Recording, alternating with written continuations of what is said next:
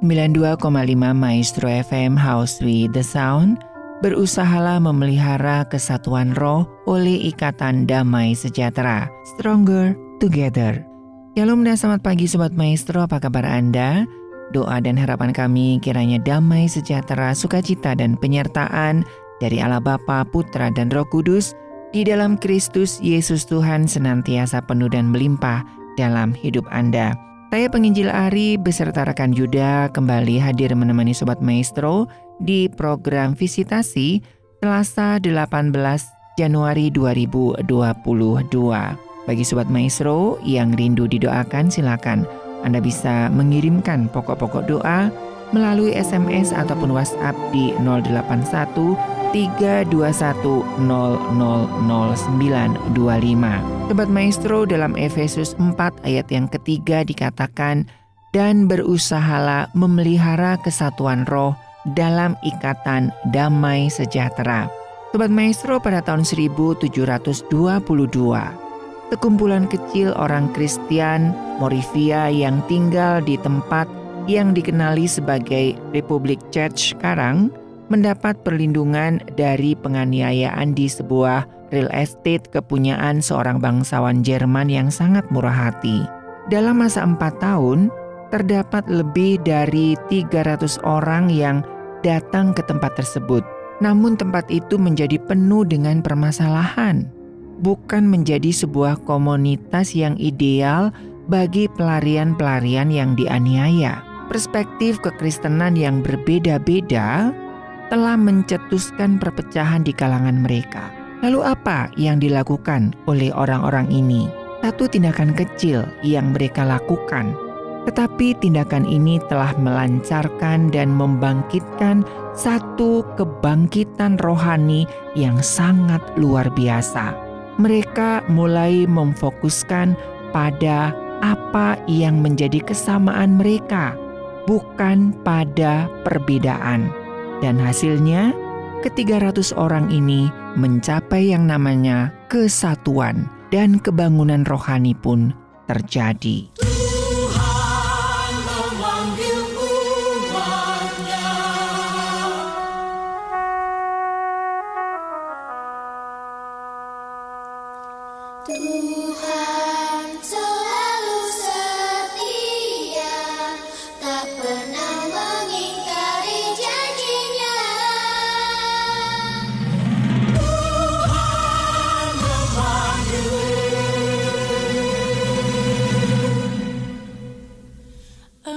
Aku ambil dari ujung bumi. Engkau jadi harta kesayanganku. Janganlah bimbangku menyerah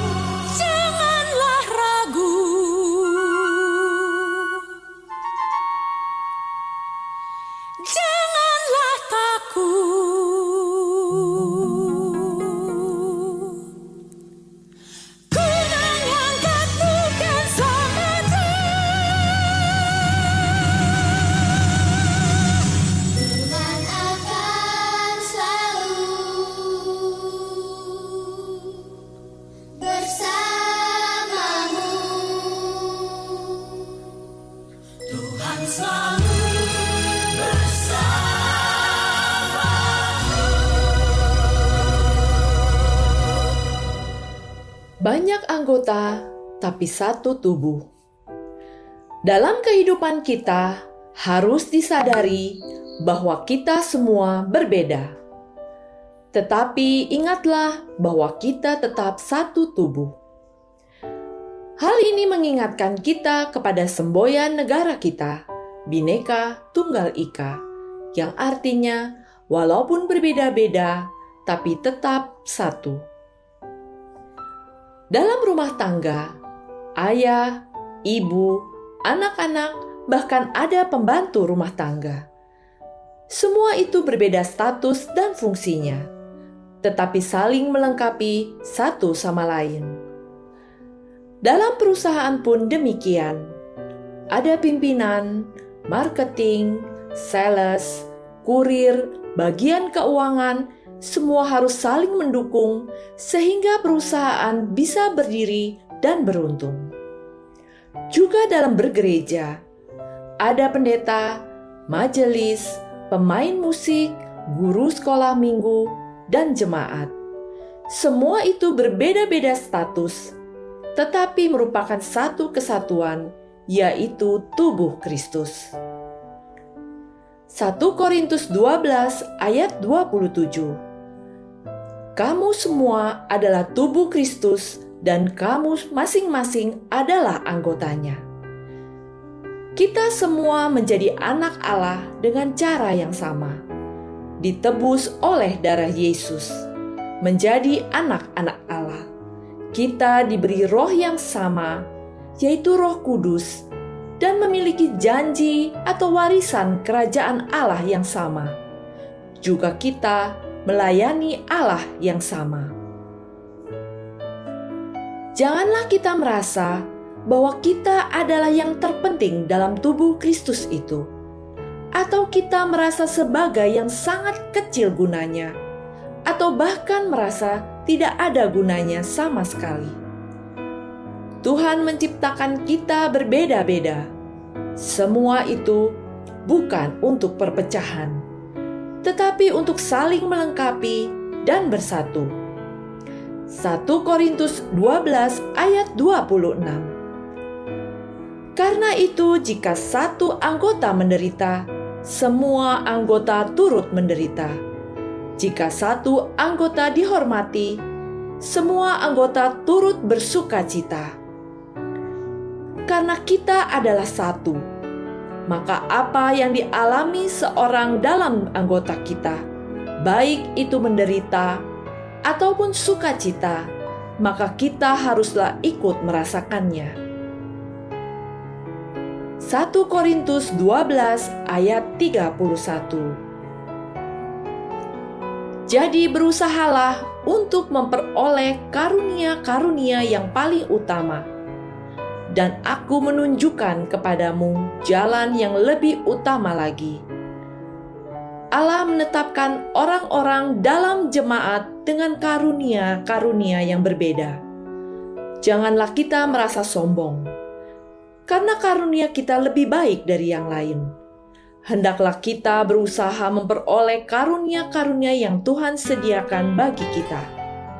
Karena kita semua adalah anggota-anggota dalam tubuh Kristus. Hendaklah kita menjadi satu, saling menopang, dan terus mendukung serta menghargai satu sama lainnya. Amin. Tuhan Yesus memberkati.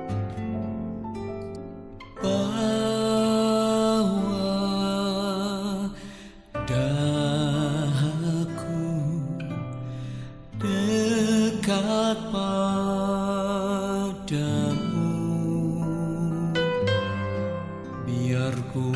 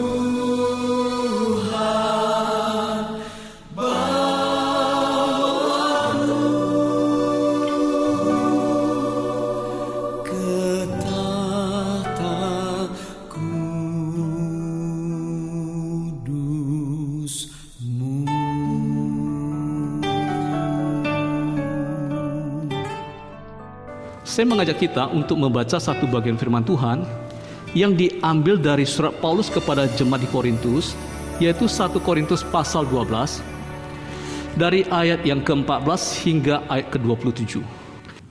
Karena tubuh juga tidak terdiri dari satu anggota, tetapi atas banyak anggota. Andai kata kaki berkata, "Karena aku bukan tangan, aku tidak termasuk tubuh." Jadi benarkah ia tidak termasuk tubuh? Dan andai kata telinga berkata, "Karena aku bukan mata, aku tidak termasuk tubuh." Jadi benarkah ia tidak termasuk tubuh? Andai kata tubuh seluruhnya adalah mata, di manakah pendengaran? Andai kata seluruhnya adalah telinga, di manakah penciuman? Tetapi Allah telah memberikan kepada anggota masing-masing secara khusus suatu tempat pada tubuh seperti yang dikehendakinya. Andai kata semuanya adalah satu anggota, di manakah tubuh? Memang ada banyak anggota, tetapi hanya satu tubuh.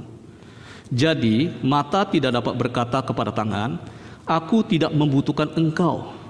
Dan kepala tidak dapat berkata kepada kaki, "Aku tidak membutuhkan engkau."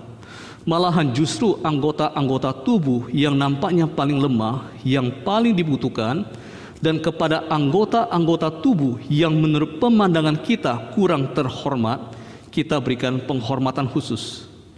Dan terhadap anggota-anggota kita yang tidak elok, kita berikan perhatian khusus. Hal itu tidak dibutuhkan oleh anggota-anggota kita yang elok. Allah telah menyusun tubuh kita begitu rupa sehingga kepada anggota-anggota yang tidak mulia diberikan penghormatan khusus. Supaya jangan terjadi perpecahan dalam tubuh, tetapi supaya anggota-anggota yang berbeda itu saling memperhatikan. Karena itu, jika satu anggota menderita, semua anggota turut menderita. Jika satu anggota dihormati, semua anggota turut bersuka cita. Kamu semua adalah tubuh Kristus, dan kamu masing-masing adalah anggotanya. Demikianlah firman Tuhan. Kamu semua adalah tubuh Kristus. Kamu semua adalah tubuh Kristus, dan kamu masing-masing adalah anggotanya. Ini adalah sebuah pernyataan kesatuan yang agung, pernyataan tentang rasa persaudaraan yang erat sebagai komunitas umat yang percaya kepada Yesus Kristus. Kita semua diciptakan memiliki kerinduan, kerinduan akan sebuah keluarga, yaitu keluarga yang intim, yang harmonis. Yesus Tuhan Allah kita menyatakan kebenaran ini kepada Rasul Paulus. Rasul Paulus dahulu penganiaya umat Allah.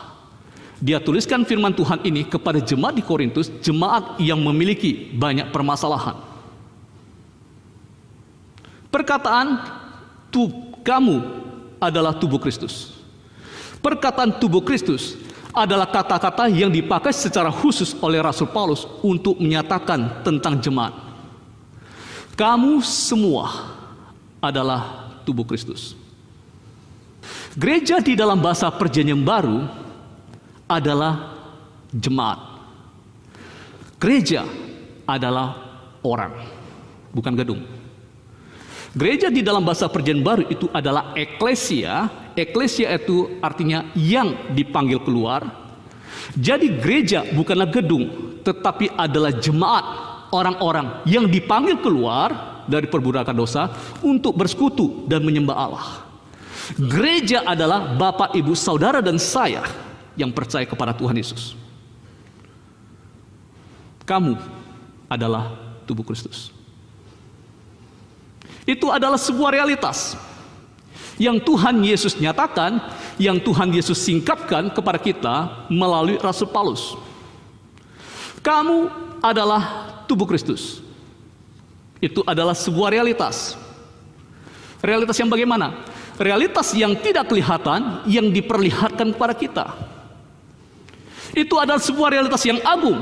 Realitas yang sebelumnya tidak kelihatan, sekarang disingkapkan tentang relasi dan keluarga Allah. Realitas itu adalah kejadian, situasi, dan kondisi yang sesuai dengan fakta, sesuai dengan kenyataan yang ada. Jadi realitas itu adalah sebuah kebenaran. Kenapa? Karena seturut dengan fakta. Tetapi dunia virtual, dunia maya, dunia ilusi bisa benar dan bisa salah. Karena virtual world itu adalah direkayasa. Virtual world mungkin saja benar jika rekayasa virtual itu sesuai dengan fakta, sesuai dengan kenyataan yang sebenarnya. Tetapi saya pikir itu sesuatu yang agak mustahil. Jadi virtual and augmented reality itu tidak selalu benar. Tetapi reveal unseen reality itu selalu benar. Seorang buta yang tidak bisa melihat, ya buta yang tidak bisa melihat ya. Seorang yang buta, dia tidak bisa mengatakan bahwa matahari itu tidak ada. Kenapa? Karena kita semua tahu realitas matahari itu adalah realitas sesungguhnya. Kita merasakan kehangatan, kita merasakan sinar terangnya di pagi, di siang hari. Matahari adalah realitas. Sekalipun orang buta tidak bisa melihat. Reveal unseen reality adalah realitas yang dibukakan, yang disingkapkan kepada kita untuk kita demi kebaikan kita. Selubung yang menghalangi pengenalan kita akan realitas Allah telah disingkapkan, telah disingkirkan. Selubung itu telah dibuang oleh Yesus Kristus. Paulus tahu hal ini. Sebagai satu contoh, satu bukti, Paulus berkata tentang mereka yang membaca Alkitab Perjanjian Lama. Mereka yang membaca Alkitab Perjanjian Lama, mereka tidak mengerti. Dan Paulus mengatakan demikian dalam 2 Korintus pasal 3 ayat 14, tetapi pikiran mereka telah menjadi tumpul. Sebab sampai pada hari ini selubung itu masih tetap menyelubungi mereka jika mereka membaca perjanjian lama itu tanpa disingkapkan. Karena hanya Kristus saja yang dapat menyingkapkannya. Bahkan sampai pada hari ini setiap kali mereka membaca kitab Musa, ada selubung yang menutupi hati mereka. Tetapi apabila hati mereka, apabila hati seseorang itu berbalik kepada Tuhan, maka selubung itu diambil daripadanya. Hal yang sama, jika kita membaca firman Tuhan, kita membutuhkan Tuhan Yesus untuk singkapkan selubung mata kita untuk buang segala virtual kita yang sudah dicemari oleh dosa. Supaya kita dapat melihat realitas yang sesungguhnya. Kita semua termasuk saya adalah realitas yang benar. Kita adalah tubuh Kristus. Itu adalah realitas yang benar. Bukan sebuah pernyataan palsu atau bohong kita adalah tubuh Kristus. Kamu semua adalah tubuh Kristus. Termasuk saya. Nah, realitas ini adalah benar memberikan kita satu dasar pengharapan yang pasti dan kokoh. Pengharapan yang pasti di tengah ketidakpastian dunia ini. Saya mengajak kita untuk melihat, untuk mengerti dengan pertolongan Tuhan, untuk dapat melihat ya dengan pertolongan Tuhan, minta Tuhan singkapkan selubung mata kita saya mengajak kita untuk melihat apakah makna daripada gereja adalah tubuh Kristus. Kamu semua adalah tubuh Kristus. Paling tidak ada tujuh makna yang saya temukan tentang tubuh Kristus. Yang pertama, tubuh Kristus. Secara literal, secara hurufiah itu berarti tubuh fisiknya, tubuh daging milik Tuhan Yesus. Tuhan Yesus, Allah pencipta langit bumi. Dia datang dari surga datang dari atas turun ke dalam dunia untuk menjadi daging, menjadi manusia. Dia melawat, dia membesuk kita dengan menjadi daging seperti kita. Dia ada dalam sejarah manusia 2000 tahun yang lalu. Tuhan Yesus hadir di tengah-tengah umatnya. Tuhan Yesus tinggal bersama dengan umat manusia. Dia yang datang menjadi daging, mempersembahkan tubuhnya untuk menjadi korban penebusan bagi dosa Bapak Ibu Saudara dan saya dan oleh karena tubuhnya yang dipersembahkan di atas kayu salib itu kita baru dapat menjadi bagian daripada tubuh Kristus. Kita bersama-sama dengan semua orang yang percaya kepada Tuhan Yesus menjadi satu, satu tubuh, satu tubuh Kristus. Sekalipun tubuh Tuhan Yesus, sekalipun Tuhan Yesus tetap dengan tubuh dagingnya, dia telah naik ke surga. Demikian kita melihat ada proses perpindahan makna secara literal tubuh Tuhan Yesus, kita akan masuk ke mana realitas yang lebih dalam yaitu tubuh Kristus. Yang kedua, makna yang kedua. Tubuh Kristus artinya tubuh di dalam persekutuan dengan Kristus Yesus. Sekali lagi, Paulus mengatakan di surat kepada jemaat di Korintus, 1 Korintus 10, 16, 17 dikatakan demikian, berbicara tentang perjamuan kudus. Karena itu saudara-saudaraku yang kekasih, jauhilah penyembahan berhala, aku berbicara kepadamu sebagai orang-orang yang bijaksana. Pertimbangkanlah sendiri apa yang aku katakan. Bukan kacauan pengucapan syukur Yang atas yang kita ucapkan syukur Adalah persekutuan dengan darah Kristus Bukankah roti yang kita pecah-pecahkan Adalah persekutuan dengan tubuh Kristus. Karena roti adalah satu Maka kita sekalipun banyak Kita adalah satu tubuh Karena kita semua mendapat bagian dalam roti yang satu itu.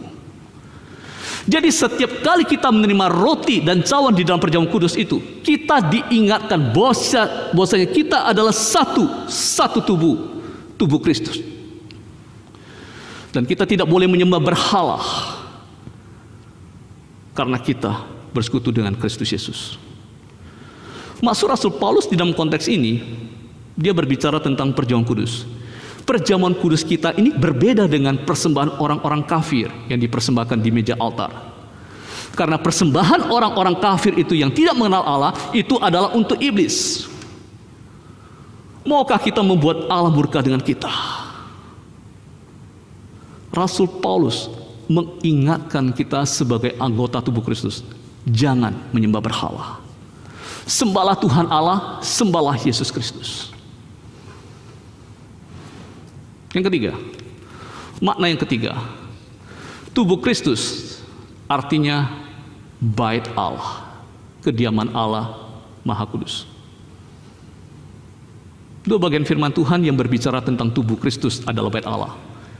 Di dalam Injil, Injil Yohanes dikatakan, tetapi yang dimaksudkannya dengan bait Allah ialah tubuhnya sendiri. Yang dimaksudkan itu adalah tubuhnya Tuhan Yesus. Kemudian surat Paulus kepada jemaat di Korintus lagi 1 Korintus 3 16 ayat 17 dikatakan demikian Tidak tahukah kamu bahwa kamu adalah bait Allah dan bahwa roh Allah diam di dalam kamu Jika ada orang yang membinasakan bait Allah maka Allah akan membinasakan dia Sebab bait Allah adalah kudus dan bait Allah itu ialah kamu Kamu adalah tubuh Kristus kamu adalah bait Allah. Jika ada orang yang membinasakan bait Allah, maka Allah pun akan membinasakan dia. Dan sejarah menyatakan Tuhan Allah menghancurkan Babilonia yang menghancurkan bait Allah. Ayat ini memberikan kepada kita satu jaminan bahwasanya Allah tidak berdiam diri. Allah tidak berdiam diri. Ketika ada orang yang mau mencelakakan kita, ada orang membinasakan kita karena kita adalah tubuh Kristus. Hal ini dapat kita lihat ketika Saulus menganiaya jemaat Tuhan. Kristus Yesus bertindak. Yang keempat, tubuh Kristus. Tubuh Kristus artinya tubuh, satu kesatuan, satu kebersamaan dari semua anggota-anggota tubuh yang dipersatukan di dalam Kristus. Nanti yang kita baca tadi, yang kita baca bersama tadi menyatakan bahwa pentingnya masing-masing anggota tubuh. Masing-masing organ di dalam tubuh. Jika kita belajar tentang anatomi tubuh manusia, maka kita mengiakan, kita mengamini bahwa Allah telah menempatkan masing-masing anggota untuk saling memperlengkapi, untuk saling menunjang, untuk saling terhubung satu dengan yang lain. Dan metafora yang dipakai oleh Rasul Paulus itu adalah sangat umum, seperti kaki dan tangan. Andai kata kaki berkata, "Karena aku bukan tangan, aku tidak termasuk tubuh." Jadi benarkah ia tidak termasuk tubuh? Kemudian telinga, mata dan hidung. Andai kata tubuh seluruhnya adalah mata, di manakah pendengaran? Andai kata seluruhnya adalah telinga, di manakah penciuman? Semuanya memiliki fungsi masing-masing dan fungsi yang penting di dalam satu tubuh. Jadi, mata tidak dapat berkata kepada tangan, "Aku tidak membutuhkan engkau." Begitu juga kepala tidak dapat berkata kepada kaki, "Aku tidak membutuhkan engkau." Dan Paulus mengatakan, malahan, malah justru anggota-anggota tubuh yang nampaknya paling lemah, yang paling dibutuhkan. Sebagai contoh, yang lemah mana? Salah satu adalah mata. Mata adalah anggota badan, anggota tubuh kita yang rapuh, yang kurang terlindungi. Sensitif sekali, tetapi sangat penting. Dan betapa kita takut jika mata kita menjadi rusak. Tanpa mata, kaki dan tangan tidak bisa mengerjakan fungsinya dengan baik. Dan tanpa mata, kita tidak bisa masuk ke dalam virtual world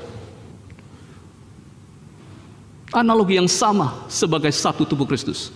Masing-masing kita memiliki keunikan dan kita harus memperhatikan. Jika ada yang sakit, kita harus memberikan perhatian dan mendukung dalam doa.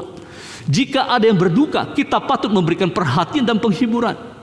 Bahkan ekstra perhatian yang kita berikan kepada apa? Orang yang berduka, yang tidak punya uang, yang tidak punya keluarga untuk menolong. Jika, jika ada anggota yang dihormati, kita semua pun turut bersuka cita. Dan jika ada yang menderita, kita pun ikut menderita. Itulah satu tubuh Kristus. Adanya saling kebergantungan, adanya saling berhubungan antar anggota di dalam satu tubuh. Oleh sebab itu, kembali Paulus menuliskan di dalam konteks perjalanan kudus. Jadi, barang siapa yang tidak layak makan roti atau minum cawan Tuhan, ia berdosa terhadap tubuh dan darah Tuhan. Karena itu hendaklah tiap-tiap orang menguji dirinya sendiri, baru sesudah itu ia makan roti dan minum cawan. Karena barang siapa makan dan minum tanpa tanpa mengakui tubuh Tuhan, ia mendatangkan hukuman atas dirinya. Yang Rasul Paulus masukkan di sini adalah tanpa mengakui tubuh Tuhan. Itu artinya kita tidak mengakui kesatuan jemaat. Artinya kita tidak memperhatikan sesama anggota jemaat. Kita tidak mengakui tubuh Kristus berarti kita tidak saling mengasihi sebagai jemaat Tuhan. Jika kita tidak saling mengasihi antar sesama anggota, maka kita tidak layak menerima roti dan cawan sebagai lambang darah dan tubuh dan darah Kristus.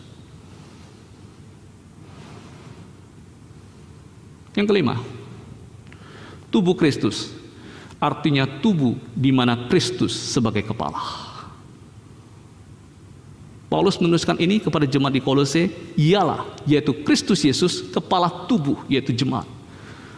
Kolose 1 ayat 18. Kepala tubuh, kepala ini adalah sumber otoritas dan arah. Kita bergerak kita melayani, kita hidup sehari-hari, kita beribadah, semua yang kita perbuat itu bersumber dari Yesus Kristus. Kristus Yesus menjadi arah dan fokus kita. Kita belajar dari firman Tuhan Yesus, kita belajar dari teladan hidup Tuhan Yesus. Semuanya berasal dari Tuhan Yesus. Yang keenam. Makna yang keenam. Tubuh Kristus artinya tubuh dengan Kristus sebagai kepala, kepala yaitu sumber pertumbuhan. Sekali lagi, Paulus menuliskan ini. Ini semua dari Rasul Paulus. Paulus menuliskan di dalam Kolose 2 ayat 19, kepala dari mana seluruh tubuh yang ditunjang, diikat menjadi satu oleh urat-urat dan sendi, menerima pertumbuhan ilahinya.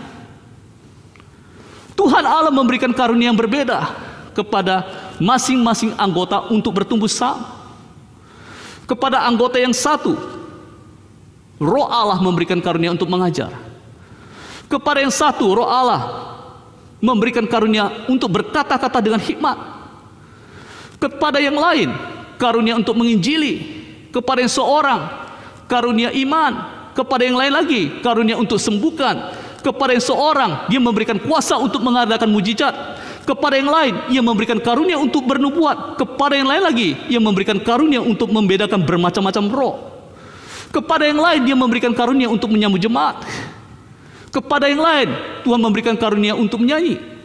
Kepada yang lain Tuhan memberikan karunia untuk bermain musik. Kepada setiap anggota tubuh Kristus Tuhan memberikan karunia yang berbeda-beda. Jadi kita tidak perlu merasa superior atau inferior.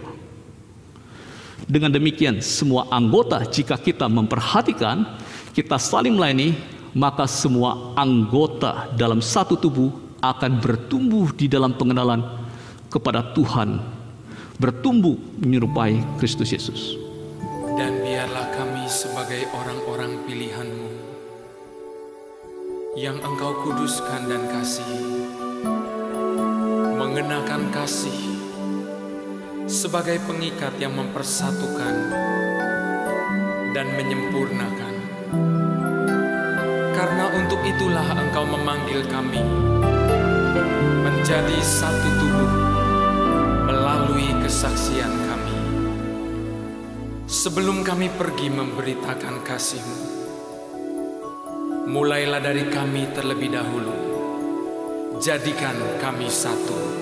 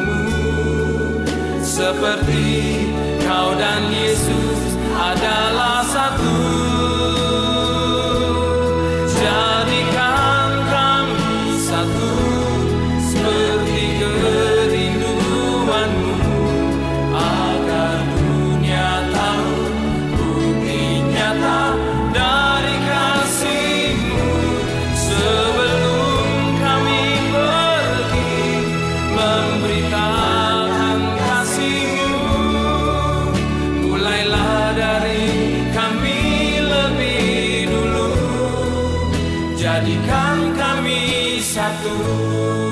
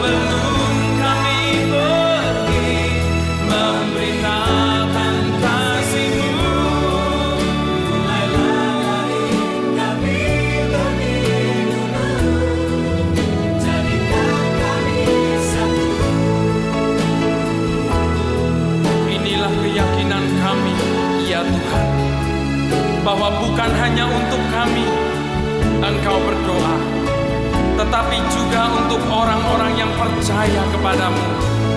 Oleh karena pemberitaan kami, supaya kami semua menjadi satu, sama seperti engkau adalah satu.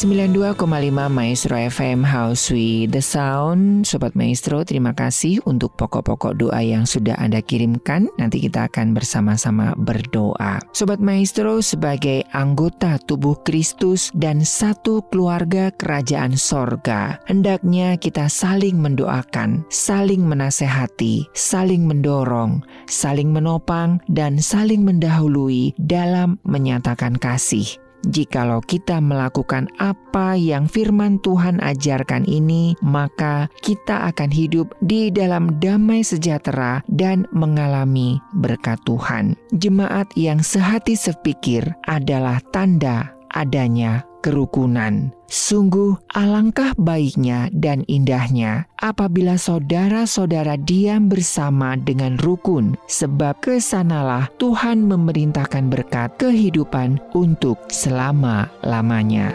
Mari kita sama-sama berdoa.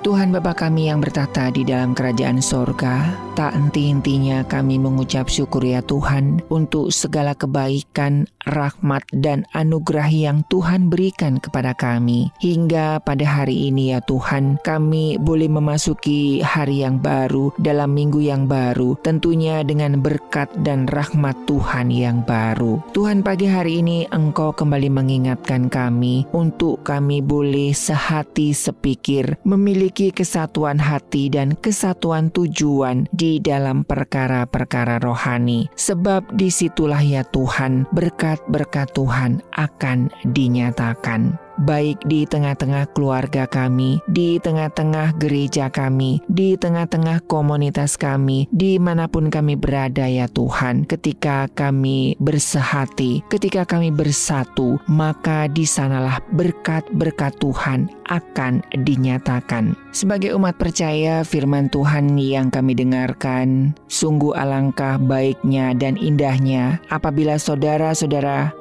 diam bersama dengan rukun, sebab ke sanalah Tuhan memerintahkan berkat kehidupan untuk selama-lamanya. Mungkin ini sudah menjadi ayat hafalan kami, namun sebagai manusia jujur ya Tuhan, kami kesulitan untuk melakukan firman-Mu. Untuk itu ya Bapa, biarlah pagi hari ini melalui kebenaran firman Tuhan, melalui puji-pujian, kuasa Roh Kudus memampukan kami untuk kami boleh melembutkan hati. Kami tidak mementingkan ego kami ya Tuhan, sehingga kami sulit bersatu. Biarlah kami tidak memandang diri kami lebih baik daripada orang lain. Kami boleh memiliki satu sikap kerendahan hati dan kami boleh menundukkan ego kami. Kami tahu ya Tuhan, ini bukanlah hal yang mudah. Seringkali kami jatuh dan jatuh dengan ego kami, baik di tengah-tengah keluarga kami, di dalam pelayanan kami, di dalam pekerjaan kami, di dalam kami bermasyarakat. Seringkali kami tidak mampu untuk mengendalikan ego kami. Namun biarlah ya Bapa, di tahun yang baru kami menjadi manusia-manusia yang baru, menjadi ciptaan-ciptaan yang baru, melahirkan karakter-karakter ilahi, melahirkan karakter-karakter Kristus ya Tuhan, di mana salah satunya adalah kami boleh merendahkan diri satu dengan yang lain. Kami boleh mengasihi dan mengampuni. Kami boleh memiliki kesatuan hati dan kesatuan tujuan bersama-sama orang-orang di sekitar kami, sehingga berkat-berkat dan kehidupan dicurahkan atas kami, baik dalam keluarga kami, dalam pekerjaan kami, dalam gereja kami, dalam kota dan bangsa kami. Biarlah kami masing-masing pribadi memiliki kesatuan hati dan kesatuan tujuan. Pagi hari ini kami berdoa ya Tuhan untuk sobat-sobat maestro yang sudah mengirimkan pokok-pokok doa baik dengan permasalahan kesehatan, permasalahan perekonomian, permasalahan hutang pihutang, permasalahan studi, permasalahan keluarga, permasalahan-permasalahan antara orang tua dan anak dan permasalahan-permasalahan yang lainnya. Seringkali yang menjadi permasalahan-permasalahan ini adalah ego kami yang terlalu tinggi. Untuk itu ya Tuhan, ampuni kami jikalau kami terlalu menyombongkan diri di hadapan Tuhan, menyombongkan diri di hadapan sesama ampuni kami. Mungkin inilah yang menjadi akar penyebab dari setiap permasalahan kehidupan kami. Tidak ada masalah yang tidak bisa diselesaikan dengan kesatuan. Tidak ada masalah yang tidak bisa diselesaikan dengan kerendahan hati. Untuk itu ya Tuhan, mampukan kami, lembutkan hati kami untuk kami boleh dibentuk sehingga pemulihan kesehatan, pemulihan perekonomian, pemulihan keluarga, pemulihan dalam permasalahan-permasalahan yang lainnya Tuhan boleh nyatakan. Biarlah ya Tuhan, sebagaimana dengan Musa, sebagaimana dengan Daniel, sebagaimana dengan Daud, Tuhan pun memberikan kekuatan buat kami untuk menghadapi setiap tantangan-tantangan di tahun 2022 dan bersama-sama dengan Tuhan, kami bersama-sama dengan saudara-saudara seiman di dalam persatuan, baik di dalam persatuan iman kami dengan saudara-saudara seiman dan persatuan kami dengan Tuhan akan mendatangkan kemenangan. Kami terus berdoa untuk kota dan bangsa kami, kiranya Tuhan juga boleh menolong, menopang di dalam mengatasi COVID-19. Tim medis aparat TNI dan kepolisian kiranya Tuhan juga boleh menolong. Bapak Presiden hingga aparat desa kiranya Tuhan juga boleh memberikan kekuatan. Begitu juga dengan Radio Maestro. Kiranya Tuhan terus boleh menyatakan kuasamu ya Tuhan. 53 tahun Engkau sudah menyertai. Kami percaya di tahun-tahun yang akan datang pun kuasa Tuhan semakin nyata. Pemeliharaan Tuhan semakin nyata melalui apa yang sudah Tuhan letakkan di Radio Maestro melalui siaran-siaran yang kami sampaikan. Kiranya kasih dan kebenaran boleh membuka selubung-selubung sobat-sobat maestro yang mungkin masih di dalam kekerasan hati.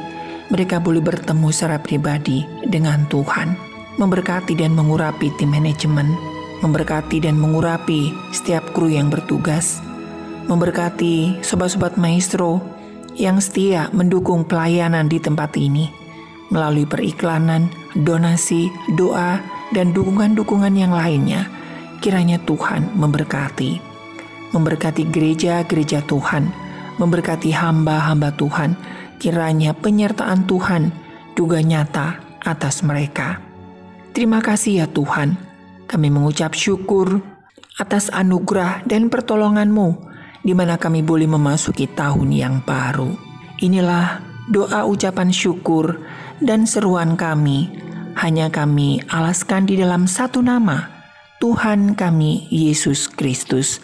Kami berdoa. Mari kita angkat tangan di hadapan Bapa di sorga dan terimalah berkat Tuhan. Segala berkat kasih karunia daripada Allah Bapa di sorga, rahmat cinta kasih yang berlimpah-limpah dari Tuhan Yesus Kristus, di dalam persekutuan yang manis dengan roh Allah yang kudus, turun atas kehidupan kami, menyertai langkah hidup kami, memberkati kami saat ini, sampai selama-lamanya. Amin. Dari Gerah Maestro Jalan Kaca Piring 12 Bandung, saya penginjil Ari dan rekan Yuda mengundurkan diri. Percayalah Tuhan akan menyediakan kemenangan bagi kita saat kita bersatu. Stronger together. Selamat siang dan Tuhan memberkati.